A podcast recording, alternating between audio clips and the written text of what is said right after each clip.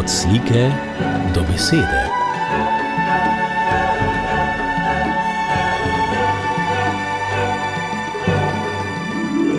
Od slike do besede.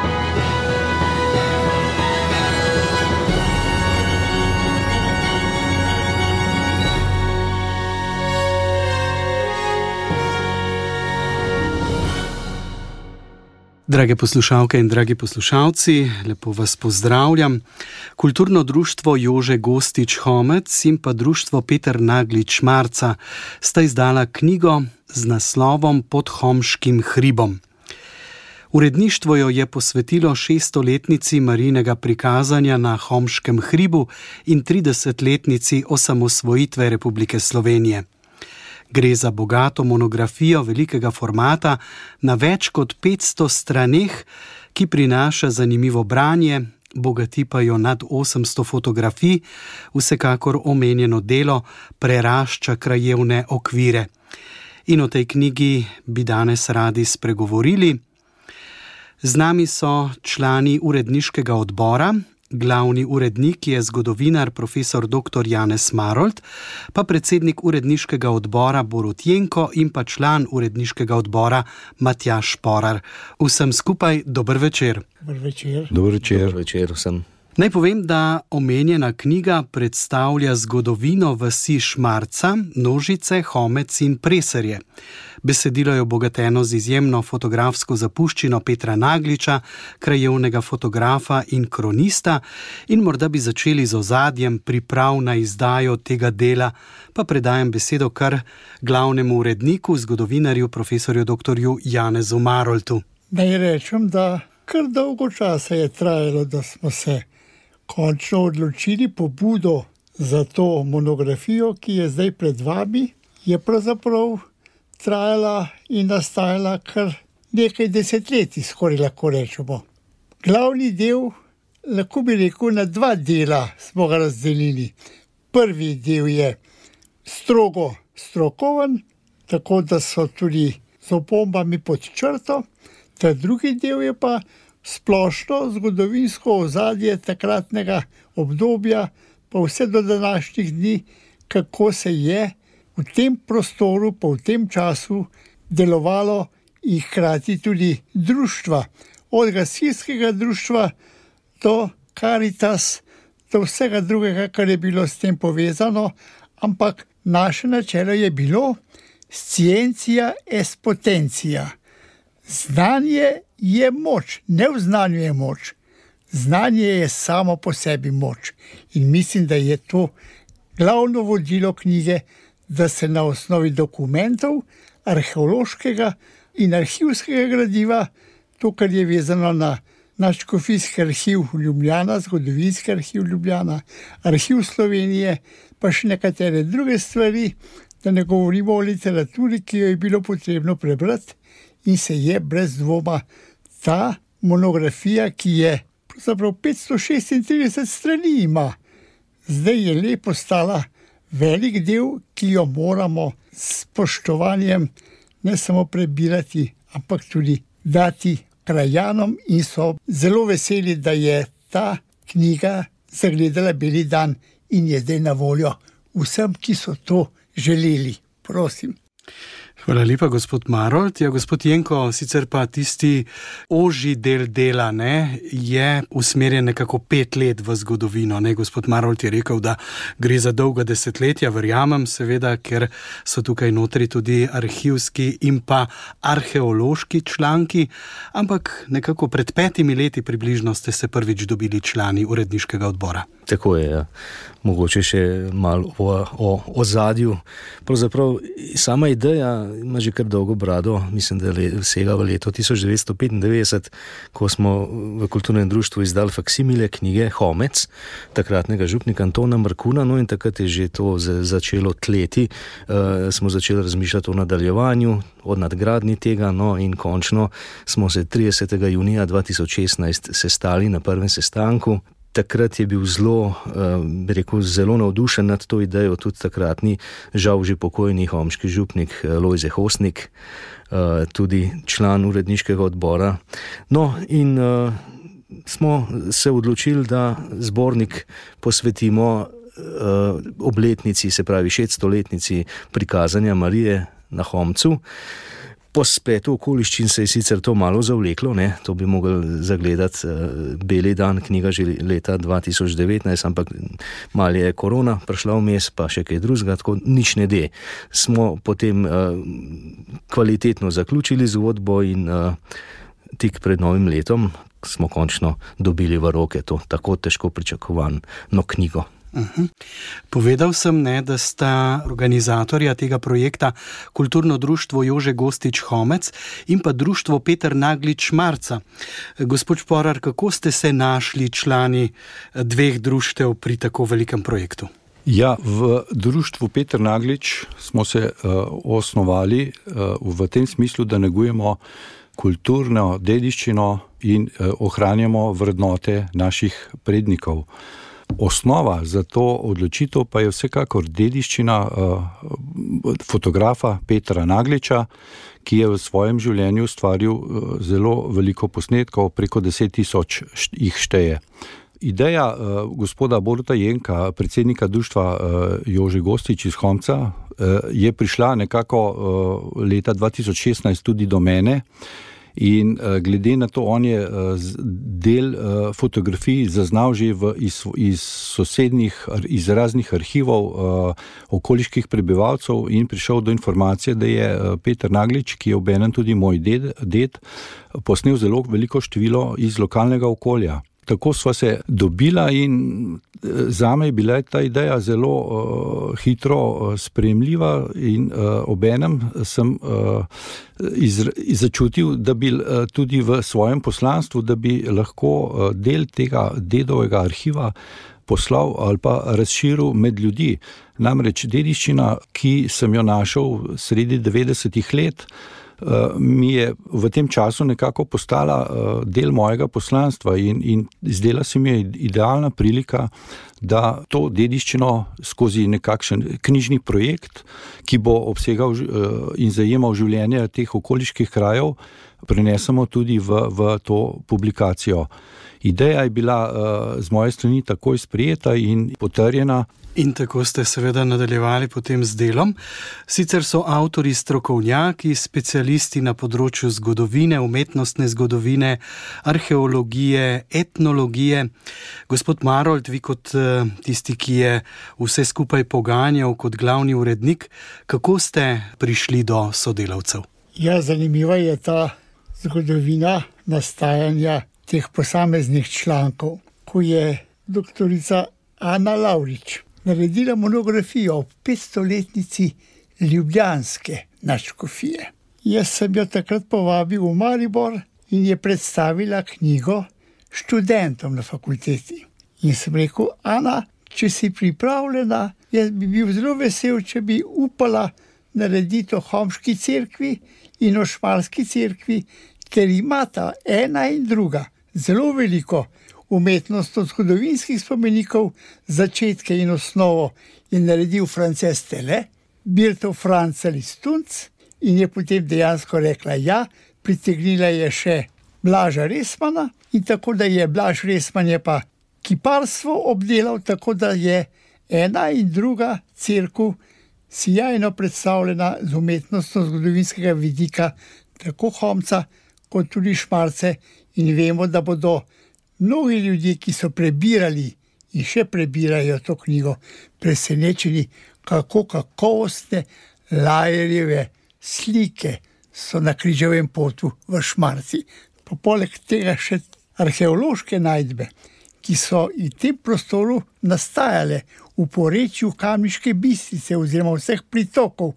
Gre za Nevlico, gre za Pšato, Gračo, Radomljo in to je brez dvoma tista bogata materialna dediščina, ki kakovost takratnega obdobja, pa tudi materialno kulturo tistega časa in prostora zelo jasno definira, in brez dvoma je ta prostor tudi etnografsko bil potem obdelan, glede samega imena.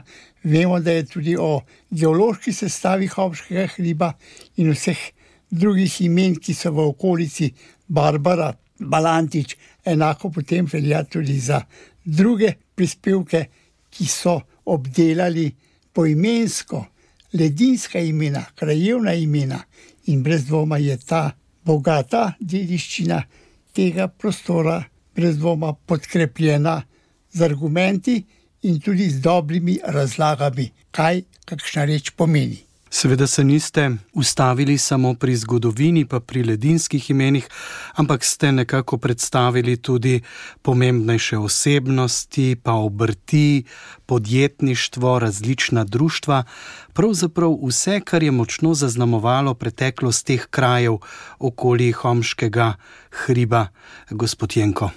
Mogoče samo toliko še omenim, da Kot pripravo na ta zbornik smo že leta 2017 in 2018 izdali skupaj z društvom Peter Naglič Marca dva bogata kataloga, razstavna in seveda dve razstavi, eh, ki opisujeta zgodovino, temeljito zgodovino. Prvi katalog je do konca Prve svetovne vojne, drugi pa od Prve do Druge svetovne vojne in v, v ta dva kataloga smo vključili v glavnem eh, fotografsko dediščino Petra Nagliča.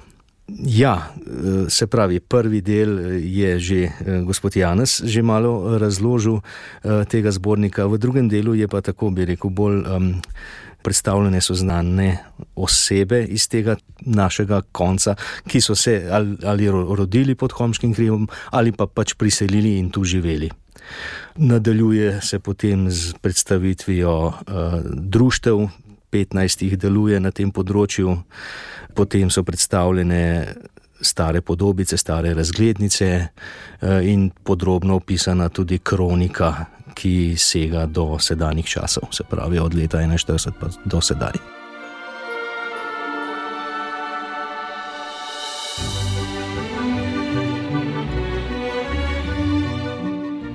Bodimo povezani.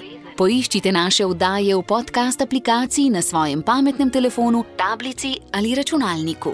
Radio Ognišče.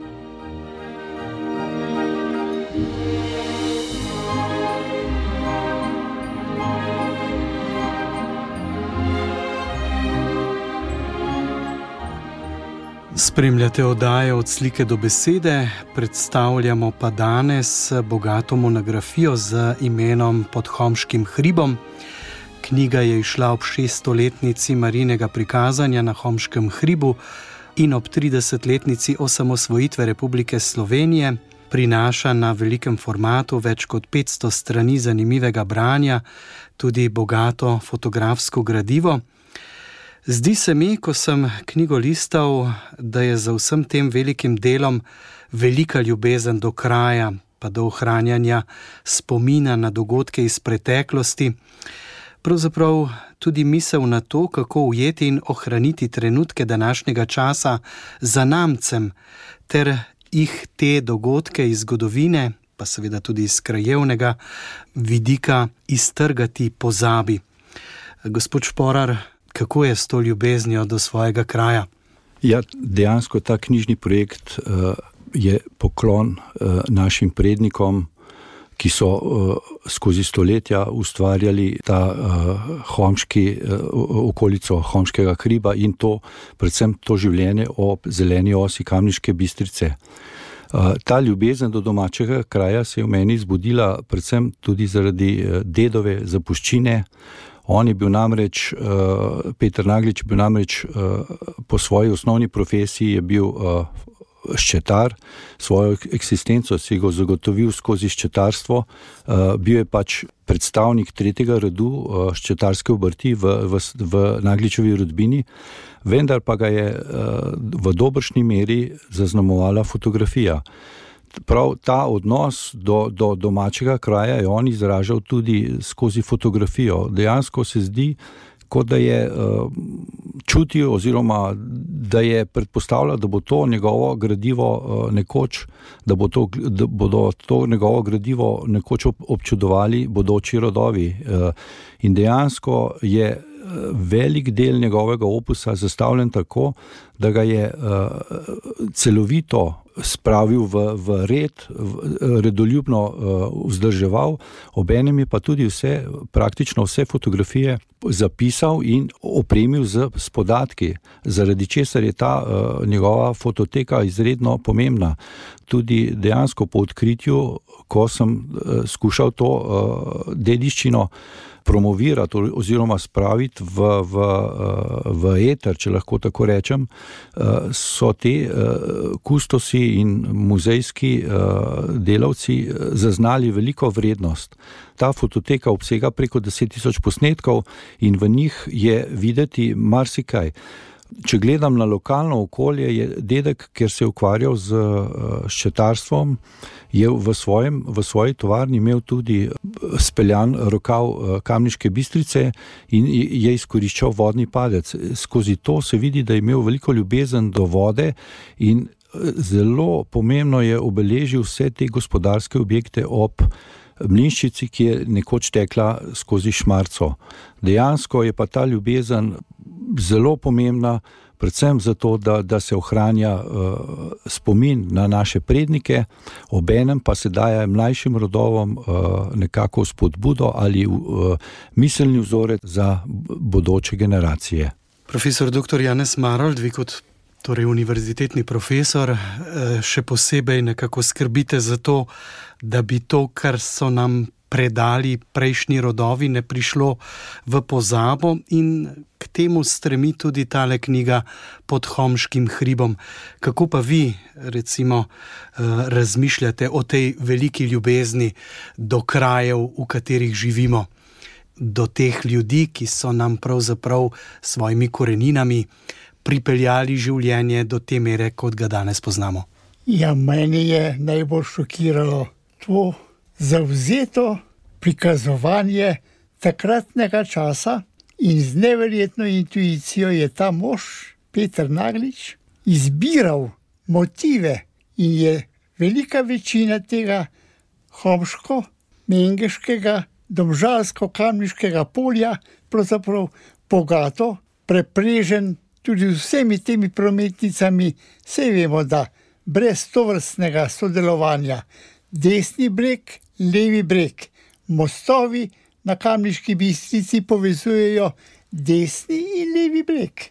In je to eden od momentov, ko je že Matjaš prej omenil, brez gospodarskega potencijala ljudi, brez gospodarske rasti, brez razcveta, tudi kulturnega in vsega drugega življenja, družbenega zagotovo ne verskega, ne drugega, bi ne bilo, če bi ne imeli toliko smisla tudi za dnevne potrebe takratnega prebivalstva. No, in je brez dvoma ta delež, ki je vezan na Petra Nagliča. Jaz sem bil presenečen, kaj vse je ta mož. A veste, ko sem prebiral te diplomske naloge študentov, ki so moč kamniške bistrice, pa pritokov, 181 mlinov, žak, kovači je bilo od izvira do izliva kamniške bistrice v Savo. To se pravi, vodna sila je bila tista, ki je na mesto človekovih rok opravljala delo, ki ga je takratni čas potreboval. In to so bili ljudje, ki so znali praktično razmišljati, konkretno za potrebe svojih ljudi omogočiti to in to, kar je vezano na mline, na žage. To je pa neverjetno, kako je Peter Naglič imel nos, kaj bo v prihodnost služilo tudi vsemu drugemu ilustrativnemu delu tega prostora, pa tega časa. In je brez dvoma ta prispevek, ki ga je Peter Naglič kot fotograf takratnega časa. On je namreč tudi bil izredno dober kronist, plečnikovih del, bil izredno dober kronist. Vse letošnje leto je Tartinijevo leto, je plečnikovo leto in brez dvoma je to del tistega, kar se tudi v tem kamniško-domžalskem ali domžalsko-kamniškem, mengeškem polju, tudi področje posega na to področje, je brez dvoma nujno potrebno, da razumemo, kako je takratni čas bil bogat z idejami. Ljudje so bili tukaj vedno radovedni in želeli so vedeti več in bolje. In to se mi zdi, da je radovednost je še zdaj v teh ljudeh, ki jih neizmerno cenim. Gospod Borut Jenko, knjiga je že nekaj časa zdaj uh, zunaj, išla je, bilo je tudi nekaj predstavitev, išlo je tudi nekaj člankov, ki so knjigo predstavili. Kakšni so torej odzivi med ljudmi, ki ste jim to knjigo pod Homškim hribom namenili? Odlični, zelo dobri. Namreč, uh, tako rekoč, ni človeka, ki knjige ne bi vzel v roke z navdušenjem in jo potem listal in gledal in bral. Kar nas pa še posebej veseli, je pa to, da je tako rekoč v treh, štirih mesecih celotna naklada pošla. Ljudje so neverjetno veliko zanimanja pokazali za, za to uh, knjigo, in uh, tako da smo se odločili za ponatis. In uh, smo zelo veseli, no, da, je, uh, da so ljudje prepoznali bogatstvo vsebine tega zbornika, pravzaprav je namenjena njima. Ne, in, uh, uh, tako da nek, nekateri že nestrpno pričakujejo ta ponatis, tako da se veselimo tudi mi tega. Uhum. Namreč eh, to sem vam postavil vprašanje tudi zaradi tega, ne, ker ko govorimo o tej ljubezni do kraja, o ohranjanju spomina na dogodke iz preteklosti, imamo tukaj vedno v mislih nekako mlade, ne, ki jim je treba predati to. Ne. Ampak mladi na začetku morda do take knjige niso tako zelo navdušeni, čeprav v vašem primeru eh, jih seveda lahko te eh, bogate in lepe fotografije pa kar, kar prepričajo. Ne. Kako je s prejemanjem te lokalne zgodovine strani mladih? Ja, se mi zdi, da, da kar dobro. No. Sej tudi ne, nekateri člani uredniškega odbora so mladi, ne. Eh, med njimi zgodovinar Jan Brno not, ki eh, je kar nekaj zelo zanimivih člankov napisal v zborniku. Se mi pa zdi, da tudi nasplošno eh, mladi v župni, tako šmarski kot homški, so začutili tudi preko tega zbornika, ne, kako pomembna je pravzaprav eh, zgodovina, iz katere se moramo nenehno učiti in nenehno dobre zglede vleči vrne. In um, veliko mladih je tudi pristopilo k sodelovanju, tako ali drugače pri zborniku, z, z svoje članki in z, z nasveti in tako naprej. Tako da jaz se na tem področju ne bojim prihodnosti. Našega truda, našega dela, jaz mislim, da bo obrodilo sadove tudi naše delo. Gospod Šporar, delite mnenje gospoda eh, Jenka? Eh, na vsak način. Eh, vesel sem, da je tudi v Šmarci bil odziv zelo pozitiven. Dejansko tudi pri nas, v našem društvu, celoten paket te knjižne izdaje je pošel. Dejansko naše poslanstvo, to ohranjanje teh kulturnih vrednot in, in odnosa do zgodovine je bilo zelo pozitivno sprejeto in uh, ne na zadnje je kvaliteta naroda prav v, v spoštovanju tega odnosa do korenin, saj je uh, tako kot za vsako navadno bilko uh, kvalitetna uh, korenina pogoj za zdravo in kleno rast in želim si, da bo tako tudi v prihodnje, da bi tak odnos tudi naši bodoči rodovi negovali in, in čutili do našega naroda. Ne preslišite zanimivega, obiščite prenovljeni audio arhiv Radia Ognišče in poslušajte naše oddaje takrat, ko vam ustreza.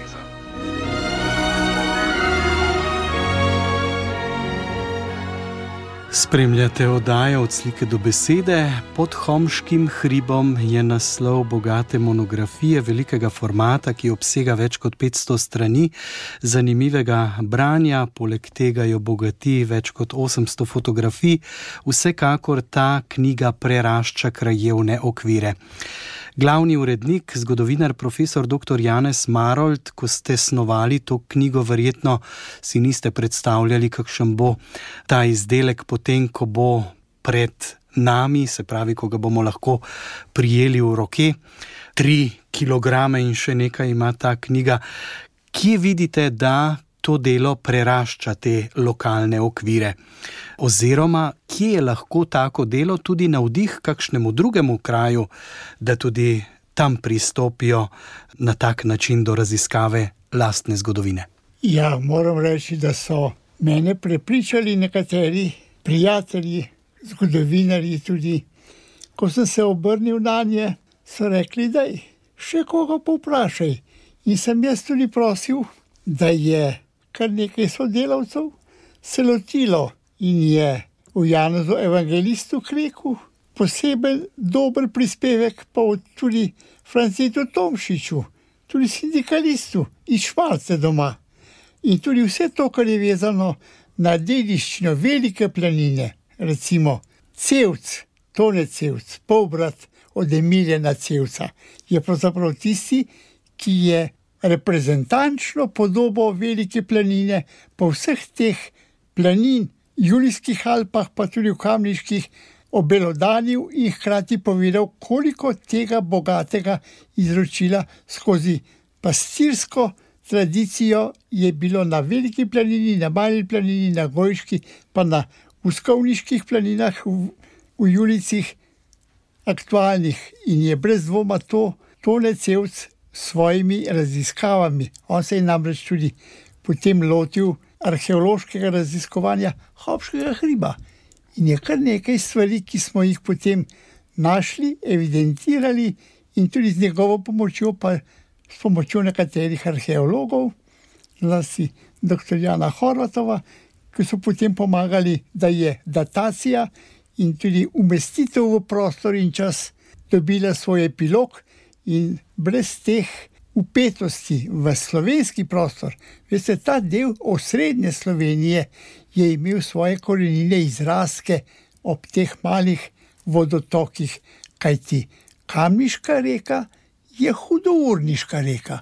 Nevlica, Pšata, Radomlja, Dreta je pravzaprav eno od teh, ki hkrati predstavljajo možnost preživetja brez vode, da se ljudje naseljujejo tam, kjer je možnost, zato pa je. Domžale so pravzaprav žal, obala, obreki in je to eno od teh momentov, ki jih ne gre prezreti, da je ta obilje, to obilje voda in hkrati kakovostne pitne vode bila vedno na razpolago tudi v tem prostoru. Če gremo še naprej, omenil sem veliko fotografij. So fotografije, ki imajo seveda svojo patino časa, je pa potrebno omeniti še enega fotografa in sicer Tonija Igliča, ki je tudi strokovni oblikovalec knjige in ki je prav za monografijo pod Homškim hribom poskrbel za nekatere izjemne fotografije, ki so narejene tudi iz zraka. Ne? In uh, nam, gospod Jenko, prikazujejo te vaše kraje iz ptiče perspektive, čisto drugače, kot smo jih sicer vajeni. Ja, res je. Toni Iglič, sicer dolgoletni član društva, ustanovni tudi, je tudi ljubiteljski fotograf, že vrsto let. Eh, in oblikovalec, eh, mrsi kakšno publikacijo, ki jo je društvo izdalo, je oblikoval, no in eh, z velikim veseljem se je lotil tudi oblikovanja te knjige. Moram povedati, da ima izreden občutek za estetiko, za postavitev in za samo fotografijo. Tako da smo navdušeni nad njegovim posnetki, namreč kar nekaj jih je narejenih z dronom, zdaj ta tehnika omogoča res eh, čudovite stvari, ki jih do sedaj nekako nismo poznali, oziroma so bili poznani le mogoče z helikoptera, pa z kakšnih drugih eh, letečih eh, zadev. No. Zdaj pa ta tehnika res omogoča. Poglede, ki res fascinirajo in navdušujejo. Eh, seveda, moš imeti pa občutek za to, eh, za kompozicijo, za pravi čas, za pravi trenutek in vse to eh, smo res hvaležni, da, da imamo takega člana med nami. Prva stvar, sploh, ki jo ljudje, ko dobijo knjigo v roke, je, je, to, je, je navdušenje nad, nad izgledom, nad fotografijo, nad postavitvijo, nad, nad oblikovanjem. Mhm. In tukaj so seveda potem še fotografije vašega deda, eh, Petra Nagliča, ki seveda prikazujejo te kraje v enem drugem času. Ne? On je to vse beležil tja do začetka druge svetovne vojne. in sicer v črno-beli tehniki prestopil prak, lahko rečemo, ki danes eh, opredeljuje profesionalne in amaterske fotografe. Skratka, v tej knjigi zdaj najdemo tudi etnološki del, ki je povezan z kraji pod Homškim kribom. Ja, zagotovo je uh, zelo velik doprinos uh, oziroma določeno patino te, temu zborniku dal uh, ravno Petr Naglič s to izjemno dediščino.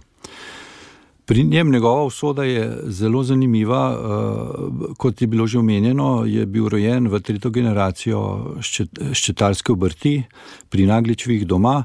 Njegova ljubezen do fotografije ga je pa zaznamovala skozi celotno življenje, lahko rečemo, da ga je, da ga je popolnoma prevzela. Uh, zdi se, kot da je, da je uh, čutil svoje poslanstvo skozi fotografijo, čeprav je vprašanje, kaj bi bilo, če bi uh, ne bi bil nekako omejen oziroma družinsko utirjen v, v prevzem te ščetarske obrti. Njegova prva fotografija datira v leto 1899, to je dejansko je to njegov lasten avtoportret, eh, zelo zanimiv, zanimiv posnetek, eh, izdelal ga je zaradi takratnih tehničnih uh, težav, ga je, ga je moral izdelati na domačem dvorišču, da je imel uh, dnevno svetlobo. To je bil portret dejansko pred domačo hišo z zanimivo kuliso uh, razpetega platna pred, pred, na fasadi in pa z tepihom na tleh. To prvo fotografijo je tudi potem uh, nekako retuširal in jo udelal v, v kabinetni portret, in na zadnjo stran pripisal uh, leto 1899, tako da je to uh, nedvomno njegova prva uh, znana fotografija. Predvsem se je sprva posvetil domačemu okolju.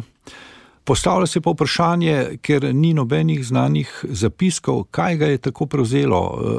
Čutiti je bilo veliko podporo njegovega očeta, saj je na fotografiji iz leta 1915 eh, dejansko domača hiša ima na strehi udelano stekleno, eh, stekleno površino, kar dokazuje, da je imel na, na masa, v masarnem delu hiše imel svoj atelje in oče mu je dovolil del hiše, del strehe predelati oziroma namestiti steklo, zato da je imel dnevno svetlobo. To je zelo zanimiv moment, ker daje čutiti, no, da ga je pri tej, pri tej odločitvi za fotografijo močno podpiral oče. Sicer pa je Peter, glede na to, da je bil upeljan v ščetarstvo, potem eksistenčno od fotografije neodvisen. Ta moment daje pravzaprav veliko težo njegovi fotografiji, saj je potem lahko fotografiral objekte, dogodke, osebe lahko fotografiral iz lastnega vzgiba, kar daje uh, celotni zbirki posebno težo. Dejansko njegovi dokumentarni presežki uh, prikazujejo več različnih področji. Če omenim jih samo dva, tri, bi rekel, eden od večjih eh, presežkov je zagotovo zgodba, dokumentarna zgodba njegovega časa eh, prebivanja na Ljubljanskem gradu, to je čas Prve svetovne vojne, kjer je eh, v tem obdobju fotografiral na steklo, izdelal zajeten kup fotografskih posnetkov, ki prikazujejo življenje med vojno. Po drugi strani pa iz teh fotografij razbrati, da, da je bilo življenje v zaledju bistveno bolj humano kot pa na, na, na frontah. Drugi tak moment, oziroma dokumentarni presežek, ki je v letošnjem letu izredno aktualen, ker je namreč obeležujemo 150-letnico Plečnikovega rojstva, je njegov izreden opus Plečnikovih stvaritev. In to ne samo, že, ne samo končanih, pač pa tudi že v fazi gradnje. Za, za uh, vrsto uh, restauratorjev oziroma uh, konzervatorskih svetnikov so te fotografije izredno zanimive, zato ker prikazujejo faze med samo gradnjo. Dejansko je po Ljubljani, on, ko je hodil in uveljavljal svoje poslovne stike s, uh, preko glede ščetarstva, je, je dnevno spremljal uh, tudi gradnjo teh plečnikovih objektov po sami Ljubljani, tako kot so recimo. Uh, ureditev struge Ljubljanice, uh, s kolesom je večkrat, uh, se je večkrat odpeljal na Barje, kjer se je gradila crkva svetega Mihajla, spremljal je gradnjo žal, spremljal je ureditev šanc na Ljubljanskem gradu in še vrsto drugih objektov. Če se pa še posvetim tretjemu, njegovemu dokumentarnemu presežku, ki ga je zelo zaznamoval, je pa zagotovo Jakobova školka, namreč bil je zauzet Romar. Tako je leta 1910 uh, romal od, dejansko od domačega ognišča do daljnega svetišča v sveto deželo in spremljal uh, to odpravo 540 romarjev in uh, ustvaril, bil je edini, ki je imel s seboj fotoaparat in ustvaril nepozaben dokumentarni presežek. Seveda, glede, če se pa navežemo nazaj na ta naš zbornik, je pa izredno pozornost posvetil tudi uh, domačemu, lokalnemu okolju. Nedvomno je ogromno število posnetkov, ki, ki je povezano z življenjem ob vodi. Tudi sam je izkoriščal vodni palec v svojem podjetju in so ga te, te razne te vodne naprave, to, to življenje v vodi ga je uh, do, do, v veliki meri tudi zaznamovalo. Še pa, če dodam na koncu še četrti sklop uh, posnetkov, ki je, uh, v katerih je tudi videti njegovo ljubezen, pa je uh, odnos do slovenskih planin. Ki jih je, v, v, predvsem gre tu za obisk kamniških planin, dejansko in to njegovo ljubezen je čutiti tudi iz teh fotografij, eh, saj je s tem eh, pokazal eh, značilnost slovenske duše, ki so jim te naše domače planine zelo blizu.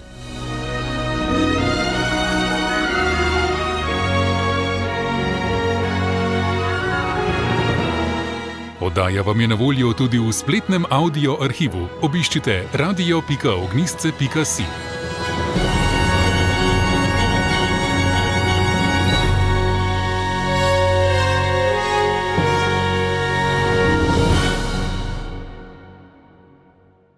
No, še toliko časa nam je ostalo, da morda vsak posebej izpostavi še eno izmed stvari v tej monografiji pod Homškim hribom, ki bi mu bila še posebej pri srcu, ki ga je še posebej eh, gnala naprej, ki bi jo priporočil tudi ostalim bralcem, da jo pogledajo.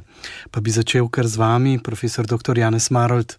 Ja, si ne vem, kaj bi rekel.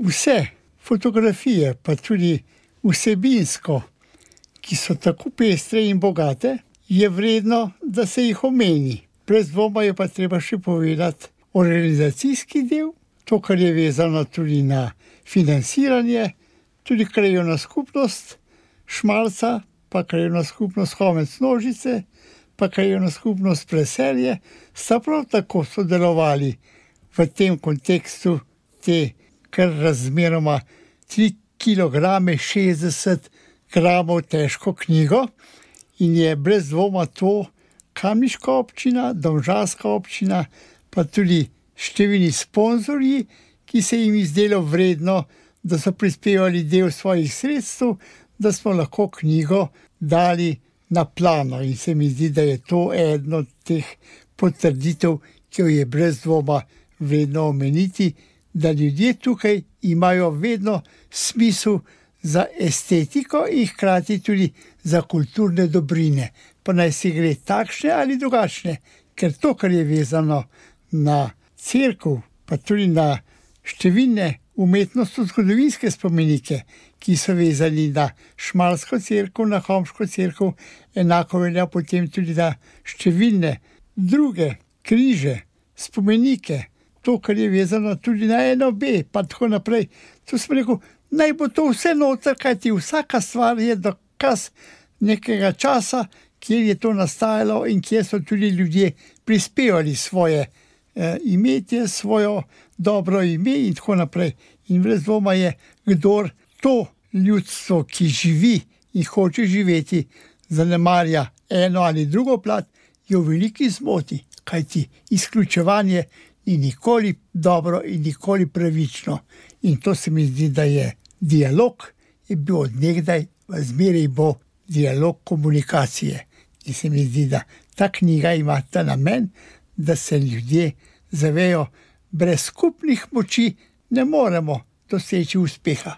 In ta knjiga, mislim, da je povezovanje element vseh krajanov, tako šmalce kot duplice, pa tudi homca in nožic, pa preseri. Kaj ti zanimivo je, da reka Bistrica, Kamniška in mostovi, ki vežejo desni in levi breg, so pravzaprav bili vedno povezovani in še zdaj so. Tako velja skozi zgodovino, pa skozi čas in vedno tako bo. Hvala lepa, gospod Marald, gospod Jenko. Ja, jaz se kar pridružujem eh, Janezovemu mnenju.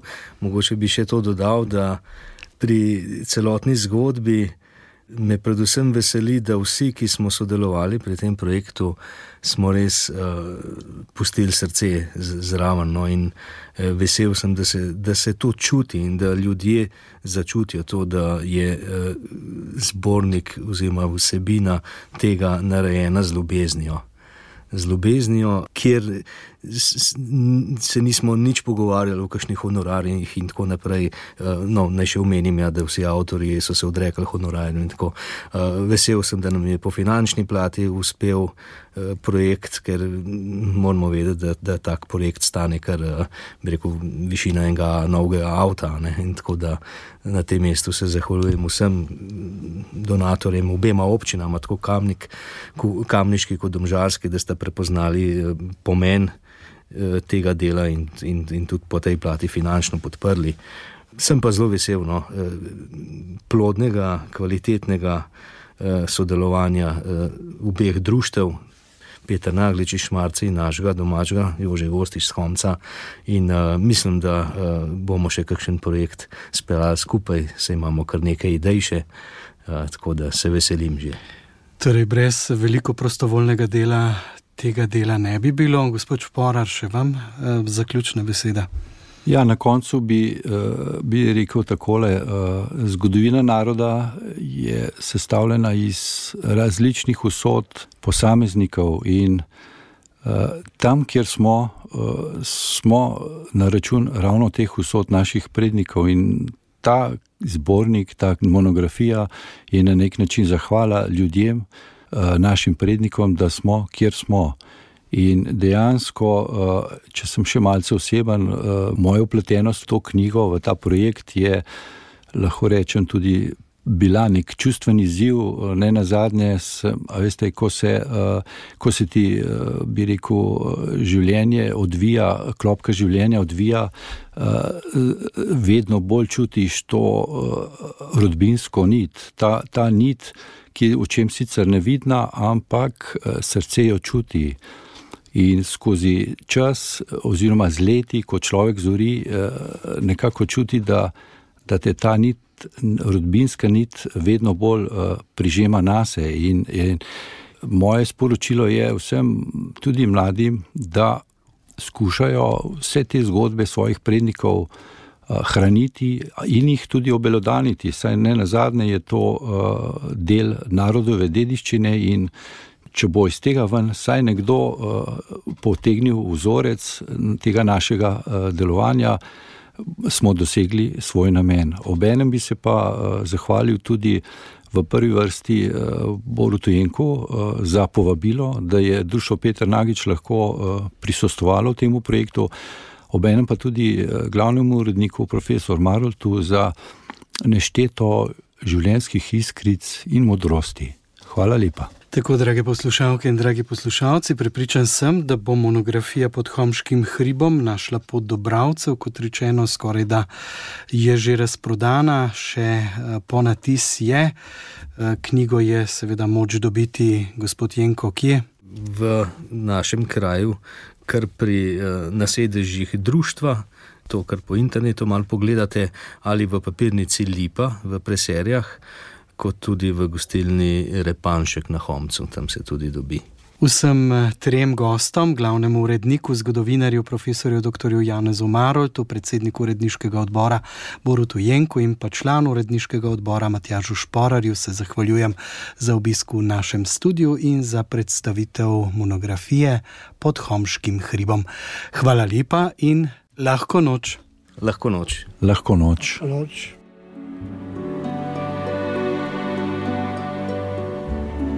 Od slike do besede.